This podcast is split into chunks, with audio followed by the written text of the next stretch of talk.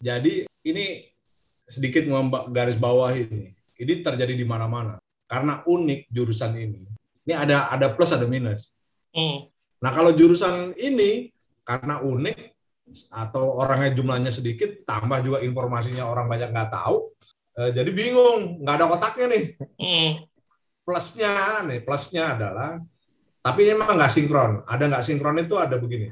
Nggak sinkronnya eh, di kebutuhan perencanaan personilnya ada butuh jurusan kearsipan misalnya. Tapi begitu dia masuk, mm ini nggak tahu mau ditaruh di mana.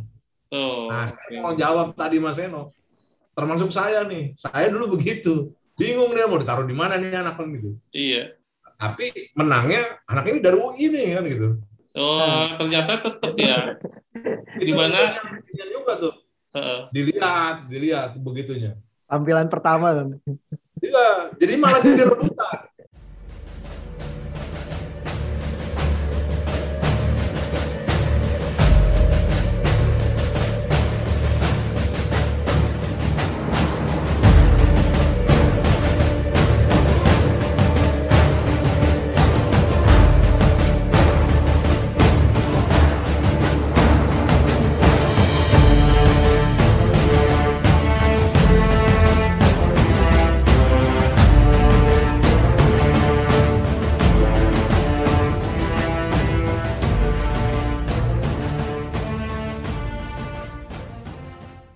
Oke, semuanya selamat datang di podcast Gedung 9. Uh, eh, saya David Daniel dan juga ada Mas Seno Aji.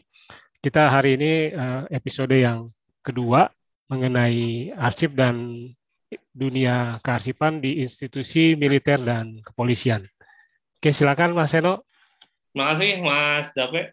Selamat pagi, Mas selamat datang Mas Tamka dan Mas Ahmad Fauji ya atau kita panggil Ji. Ya ini untuk kali ini kita tepat banget besok tuh ulang tahun kemerdekaan. Nah makanya nih saya dan Mas David nih janjian nih merah putih nih.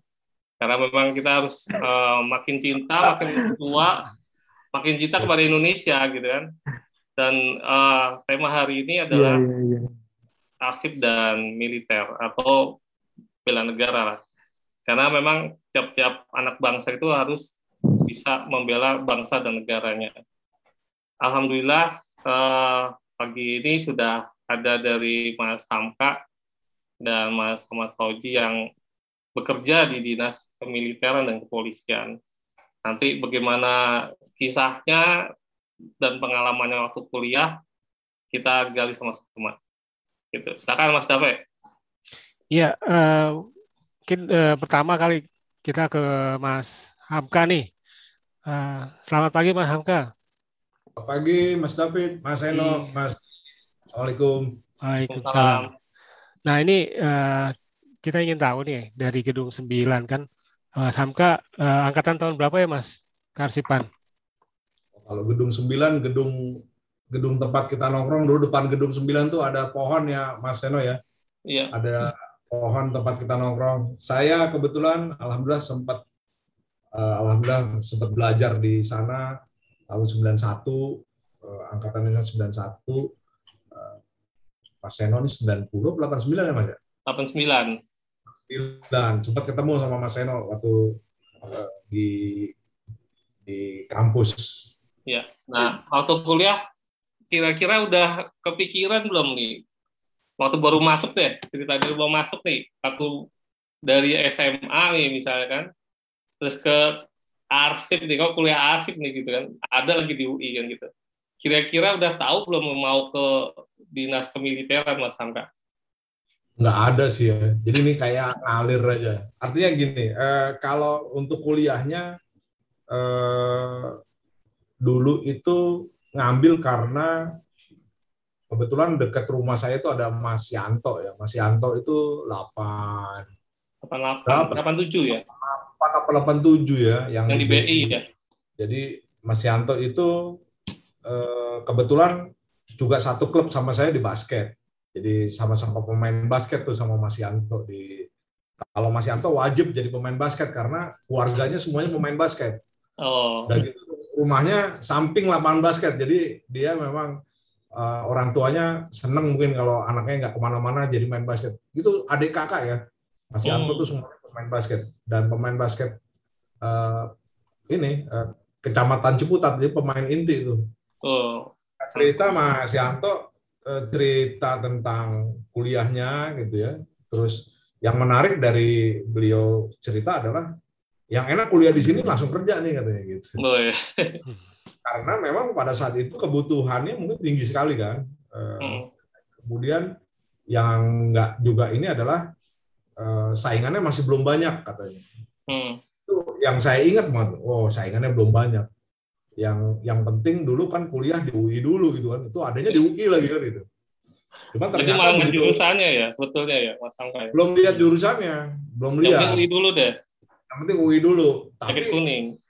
Dari dari situ sih sebenarnya udah kebayang bahwa wah ini pasti gampang dapat kerja kan itu. Yeah.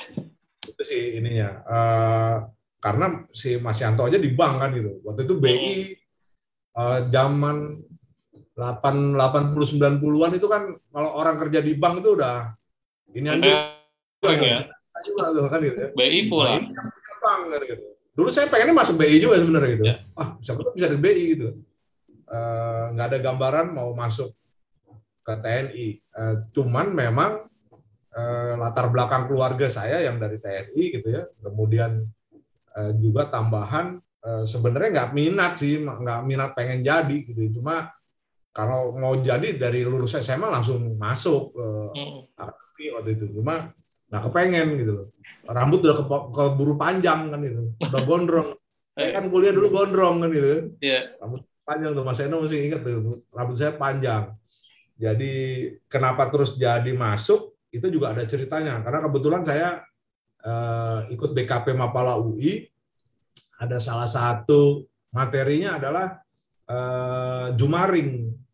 Ada uh, jumaring itu turun dari ketinggian gitu ya menggunakan hmm. alat itu itu direktorat hmm. direktorat oh, iya. iya. kita eh, direktorat dari paling atas itu kita turun satu-satu pakai uh, alat jumaring itu.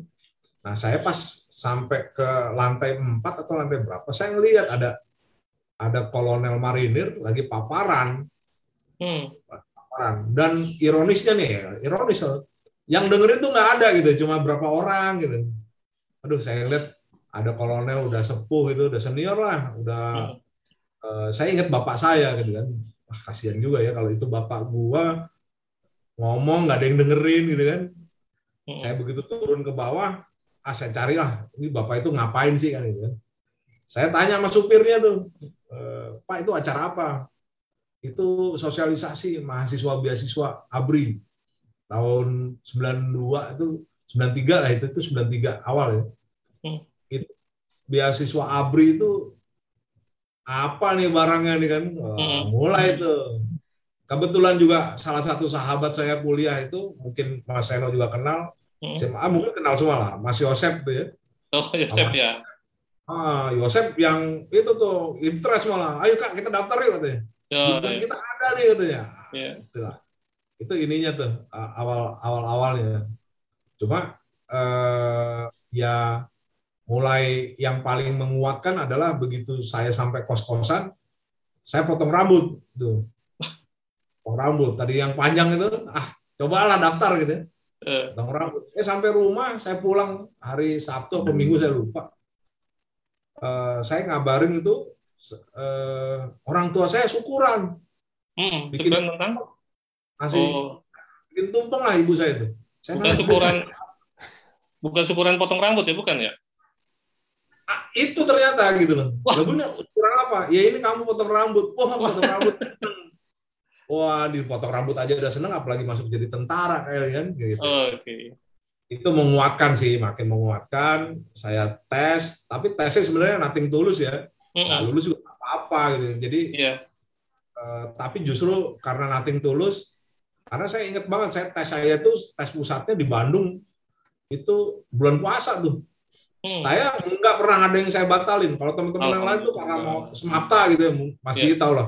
Tes semapta, wah pada makan dulu, minum susu. Saya enggak. Ah, ya lulus ya alhamdulillah enggak ya udah saya bilang gitu kan jangan batalin puasa itu agak ajaib juga yang eh, teman saya lari yang pada nggak nggak pada puasa tuh nggak ada yang lulus oh berkah ya itu dari dari Karsipan siapa aja tuh mas dulu eh, Mas Yosef sempat daftar ada terus ada satu lagi Joko ya ada kawan seangkatan juga Joko bukan Joko Mas Joko yang sekarang ini Mas Joko ini udah hilang nih dari peredaran nih teman saya nih. yeah.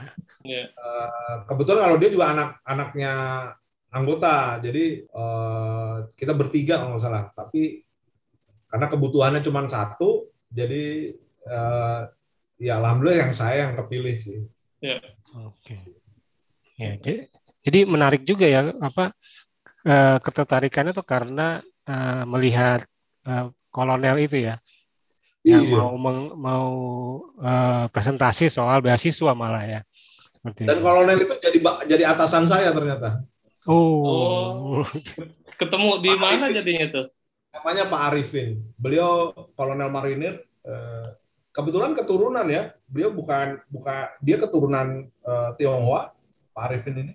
Oh, Tapi okay. wah nasionalismenya luar biasa. Saya sempat sempat ketemu jadi anak buahnya di nggak uh, anak nggak langsung lah, beliaunya udah mau pensiun waktu itu, tapi saya sempat ngomong dan cerita yang sama kayak begini, beliaunya ketawa tuh. Oke. okay.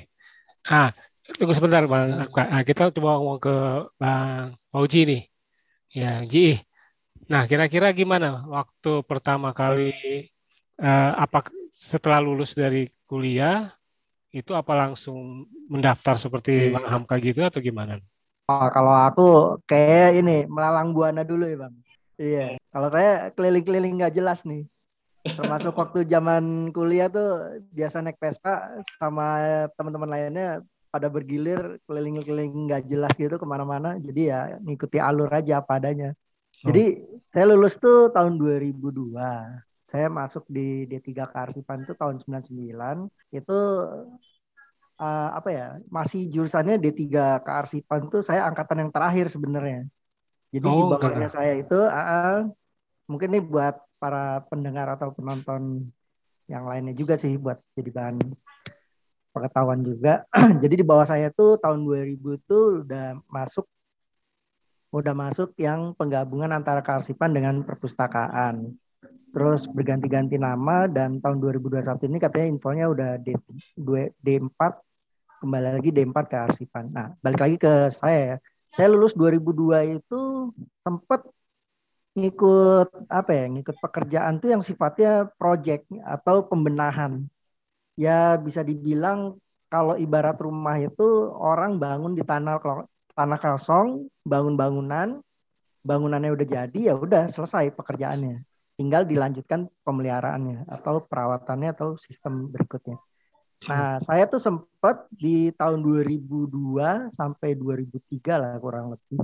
Itu ngikut dosen, ngikut alumni, ngikut yang lain segala macam tuh sifatnya pembenahan, pembenahan kearsipan. Jadi arsip-arsip di instansi yang sifatnya bilang aja kacau ya atau belum tertata rapi atau memang uh, terlewatkan untuk dikerjakan sehingga kita lakukan pembenahan Terus juga sistemnya berikut dengan penyimpanannya tiga bulan, empat bulan selesai gitu. Nah, salah satunya di dinas terutama di DKI ya, di Pemprov DKI, di dinas perumahan, terus juga di Bank BNI. Hmm. Nah, akhirnya setelah beberapa kali ngikutin proyek tiga bulan, empat bulan, ternyata ada pencerahan nih dari nasibnya saya nih, Bang. Hmm. Saya ikut alumni salah satu alumni juga. Nah, itu lebih jelas lagi dalam artian uh, sistem kontrak kerjanya itu kayaknya tahunan nih gitu, nggak bulanan lagi. Hmm. Jadi bisa berkelanjutan. Nah, saya ngikut salah satunya di anak perusahaannya Bank BRI ya. Tahun 2004 itu saya masuk sebagai data entry atau input data. Nah, tahun kemudian ternyata meluas nih pekerjaannya gitu hmm. tanpa diduga-duga dengan usia yang belum 25 tahun gitu bang. Hmm. Saya ngikut uh, kembali lagi kayak tadi tuh bang Hamka bilang ini peluang besar karena jurusannya unik gitu kan. peluangnya luas, terus juga jarang peminatnya mungkin ya dalam artian kurang informasi juga. Nah, itu di 2005 saya langsung dimutasikan ke daerah. Sempat kaget oh. juga. Kagetnya itu mimpin satu gedung yang besar, hmm. terus unit kerjanya itu banyak luas untuk wilayah Kanwil Semarang tuh kalau areanya mungkin bisa dibilang jalur Pantura ya, jalur Pantura sampai uh, dari barat sampai ke timur gitu. Hmm. Ini ini belum uh, masuk ke ini ya, sebagai belum, ah, sebagai ya? polisi nih iya nah dari situ ternyata uh, saya melihat udah sebagai apa ya sebagai kepala gedung ternyata termotivasi cari sesuatu yang baru lagi nih bang gitu hmm. nah setelah di instansi BUMN atau anak perusahaannya udah jalanin ternyata hmm ada nih dari pemerintah ini biasa PNS tuh pembukaan tiap tahun segala macam. Nah, lebih tertarik saya apa tertarik lagi saya untuk ikut ke pemerintahan. Hmm. Saya coba tiap tahun daftar di kementerian-kementerian segala macam.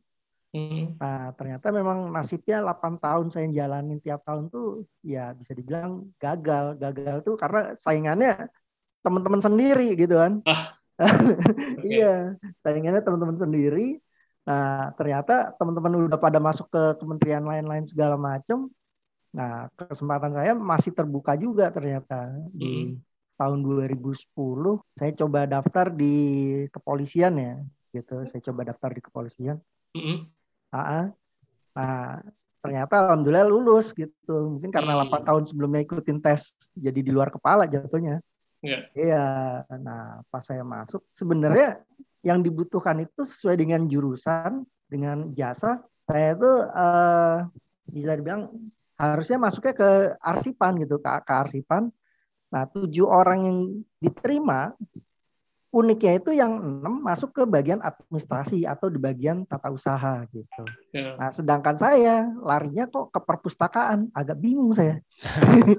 okay. iya, apa saya melihat jurusan saya yang di junior saya itu tahun 2000 antara gabungan perpus sama arsip ternyata pas saya jalanin berapa bulan di polisi ya yeah. nah, ternyata memang memang miskomunikasi dan artian saya memang khusus yang di PTIK ini masuknya ke pustakawan gitu. Oke, tapi ada ah, ada kemiripan lah ya tentang apa betul. ilmunya ya. Jadi uh, sedikit banyaknya ini ya yeah. apa uh, ada lah, bisa lah ya Betul. untuk mengatur perpustakaannya ya. Oke. Okay. Nah, ketika saya baru masuk kan biasanya ya namanya kayak karyawan baru ya atau apa pegawai baru. Mm-hmm. Nah, itu berkas-berkasnya saya tuh uh, istilahnya dihadapkan ke pimpinan gitu, dihadapkan yeah. ke pimpinan atau Nah, okay. ternyata karena butuh apa ya? butuh butuh staff di bagian lain gitu. Nah, ternyata saya nggak jadi masuk ke perpustakaan atau ke dunia kearsipan gitu. Melainkan jadi saya jadi staf administrasi di bagian akademik. Itu sempat setahun okay. di situ. Nah, ternyata pas saya mencoba untuk kembali lagi sesuai dengan jurusan saya, saya ditarik lagi dimutasikan lagi ke bagian lain gitu, ke ya. bagian uh, dokumentasi. Di situ karena uh, butuh orang yang siap apa ya siap waktu siap tenaga terus juga di PTIK sendiri waktu itu di STIK ya itu memang kekurangan apa ya kekurangan orang segala macam akhirnya nggak disadari tujuh tahun saya sebagai dokumentasi bukan menata dokumen jatuhnya bang eh, walaupun namanya iya. mirip-mirip nih gitu. nggak nyambung tapi ya karena saya tiga tahun di D3 UI itu kan di kearsipan saya yeah. juga nggak mau kehilangan ilmu saya kan akhirnya ya dari hasil dokumentasi liputan saya harian saya coba terapkan secara simpelnya itu saya penyimpanan di komputer minimal tuh saya sesuaikan dengan uh, sistem kearsipan yang saya punya gitu bang jadi misalkan uh, dari folder drive D saya bikin folder khusus uh, dokumentasi kegiatan PTIK. Nah, dari folder itu saya bikin per tahun, di dalamnya lagi saya bikin per bulan. Nah, itu udah saya siapkan udah 12 folder duluan, 12 bulan gitu kan. Nah, saya baru lagi masuk lagi ke subnya lagi, baru kegiatan per harian gitu, Bang. Oke. Okay. Tujuh tahun, lumayan. Ya, jadi pada akhirnya uh, setelah Malang Buana dan kemudian Betul. di apa uh, institusi Betul. kepolisian juga akhirnya terpakai juga ya karena juga Betul. sebetulnya memang setiap-tiap bagian uh, perlu gitu ya penataan nah. arsipan ya. Benar. Kalau Mas Ci udah mulai menerapkan iya. sebetulnya arsip digital ya manajemen arsip ya, digital. Ya, salah satunya. Nah, nah ini itu, kalau Mas maaf. Jadi kalau uh, di Mas Hamka setelah masuk lah ya diterima gitu Mas ya. Apakah pada waktu itu langsung berhubungan dengan pekerjaan kearsipan atau ternyata wah beda sama sekali nih kayak Mas Ji itu. Gimana Mas Hamka? Iya. Jadi eh, ini sedikit garis bawah ini. Ini terjadi di mana-mana karena unik jurusan ini. Ini ada ada plus ada minus. Hmm. Jadi plusnya uh, minusnya dulu lah ya, minusnya dulu. Kalau plusnya banyak. minusnya dulu, minusnya dulu itu adalah organisasi tidak tahu atau mungkin organisasi kesulitan naruh personal ini sesuai dengan job desk yang ada di bagian organisasi mereka. Hmm. Ini ini contoh pasti nggak ada tuh di di STIK misalnya uh, uh, ada job desk, ada kotak uh, yang me mewadahi jurusan yang pas sesuai dengan kita. Kalau orang teknik kan beda ya. Ini orang, orang teknik, arsitek, uh, orang sipil segala macam itu mungkin jelas tuh ininya. Bisa larinya ke mana ke mana ke mana jelas. Nah kalau jurusan ini karena unik atau orangnya jumlahnya sedikit, tambah juga informasinya orang banyak nggak tahu, Uh, jadi bingung, nggak ada kotaknya nih. Hmm. Plusnya nih, plusnya adalah, tapi ini memang nggak sinkron. Ada nggak sinkron itu ada begini. Nggak sinkronnya uh, di kebutuhan perencanaan personilnya ada. Butuh jurusan kearsipan misalnya. Tapi begitu dia masuk, hmm. ini nggak tahu mau ditaruh di mana. Oh, nah, saya mau jawab tadi Mas Eno. Termasuk saya nih. Saya dulu begitu bingung nih mau ditaruh di mana nih anak kan gitu. Iya. Tapi menangnya anak ini dari UI nih kan gitu. Oh, ternyata tetap ya. di mana? juga tuh. Uh. Dilihat, dilihat begitunya. Tampilan pertama kan. Iya, jadi malah jadi rebutan. Oh. Makanya saya dulu Letnan 2 uh, ada nggak jelas ke mana-mana nih saya nih. Ada saya ada yang minta jadi ajudan kasau, saya diminta jadi uh, jadi ke paskas kan gitu ya. Saya diminta ke jurusan-jurusan yang sebenarnya di luar ininya saya gitu loh. Tapi karena saya udah sekolah kearsipan ini, jadi membuat apa ya eh, korpnya jadi nggak jelas kan gitu kan. Mm. kalau di TNI kan, kalau di Polri mungkin uh, multi korps ya, uh, nggak ada korpsnya. Uh, kalau di tempat saya kan harus ada korpsnya. Ini anak korpsnya apa kan gitu. Karena di, di ADM, administrasi, ADM itu ada tiga kalau di AU ya. ADM personil, ADM keuangan, ADM kesekretariatan. Ini beda-beda nih. Karena oh. ini sarcapnya juga lain. Sarcap itu dasar kecabangannya. Jadi kalau kita jadi uh, kalau letnan dua itu harus punya kecabangan. Cabangannya apa? Cabangan operasi itu penerbang, uh, paskas, uh, navigator, kan gitu Habis itu eh, pendukung kayak elektro, teknik kan gitu. Nah, begitu bicara di jurusan kita, bingung. Ini anak hmm. apa jurusannya kan gitu. Di ADM, ADM-nya apa nih? Ada administrasinya. Nah, saya di waktu itu jadi rebutan. Saya yang kalau ke keuangan nggak mungkin aja karena nggak ada basic keuangan kan. Iya. Jadi antara personil sama sekretariatan nih. Hmm. Mana nih yang mau ngambil kan gitu ya. Itu juga lucu tuh. Itu itu pengalaman unik karena yang tadi saya bilang tidak semua organisasi itu memiliki eh, job desk yang sesuai dengan bagian organisasi yang mereka miliki. Ya. Nah ini juga itu jadi saya berikan masukan begitu saya udah pangkat eh, kapten mayor, kebetulan saya di pengadaan personil, itu saya bilang jangan sampai salah nih kita hmm. minta jurusannya spesifik, begitu udah di masuk ke satuan bingung mau ditaruh di mana. Hmm. Karena itu pengalaman pribadi kan gitu kan. Jadi saya bisa bicarakan itu akhirnya dibikin dulu kotak organisasinya, mm-hmm. baru diambil isinya siapa orangnya kan gitu. Kalau dulu kebalik. Nah mungkin senior senior yang zaman dulu lebih antik lagi tuh kan gitu. Iya. Sehingga saya tapi ya ini nilai-nilai positifnya pengalamannya saya jadi banyak. Saya saya semua jurusan yang atau kegiatan yang ada di TNI saya udah ikut semua jadinya. Mm-hmm. Ya mungkin uh, kalau Bang Daud ya Bang Daud langsung keikat di di set langsung keikat sampai beliau terakhir itu ya udah nggak ke mana-mana. Dia juga kadang jelas tuh ngeliat saya, lu enak ya kak, lu bisa ke sono, bisa ke sini, bisa ke mana-mana kan ya. Oh. Ya, atau jadi ini saya pada Mas Hamka, maaf. Jadi rupanya di Auri sendiri selain Mas Hamka ada juga ini ya alumni kita ya, Arsipan ya. ya, Mas Daud ya. Itu tahun Daud. 88 kalau nggak salah ya, masuknya ya dia, asipnya ya. Beliau beliau itu ya eh, angkatan 88. 88 masuknya ya, satu tahun sebelum Mas Hamka kali ya? Wah, jauh. Oh, dua tahun ya? Milsuk terakhir. Milsuk tuh berarti 91. Oh. 91. Mas Sama boleh diceritain itu kayaknya yang saya tahu tuh ada Milsuk ada Wamil ya. Apa betul dua atau sebetulnya satu program ya Mas untuk uh, jurusan kearsipan bisa memasuki institusi militer gitu Mas? Kalau sekarang mungkin malah nggak ada itu semuanya. Semuanya jadi prajurit karir namanya.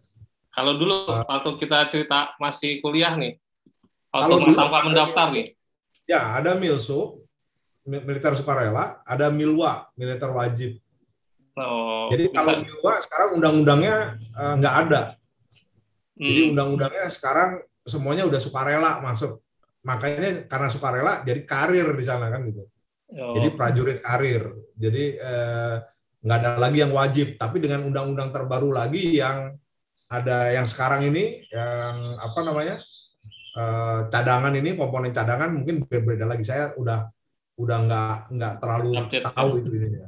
Cuma kalau buat yang adik-adik yang masih kuliah itu program untuk masuk seperti kita dulu itu masih ada dengan dua cara. Satu beasiswa ya.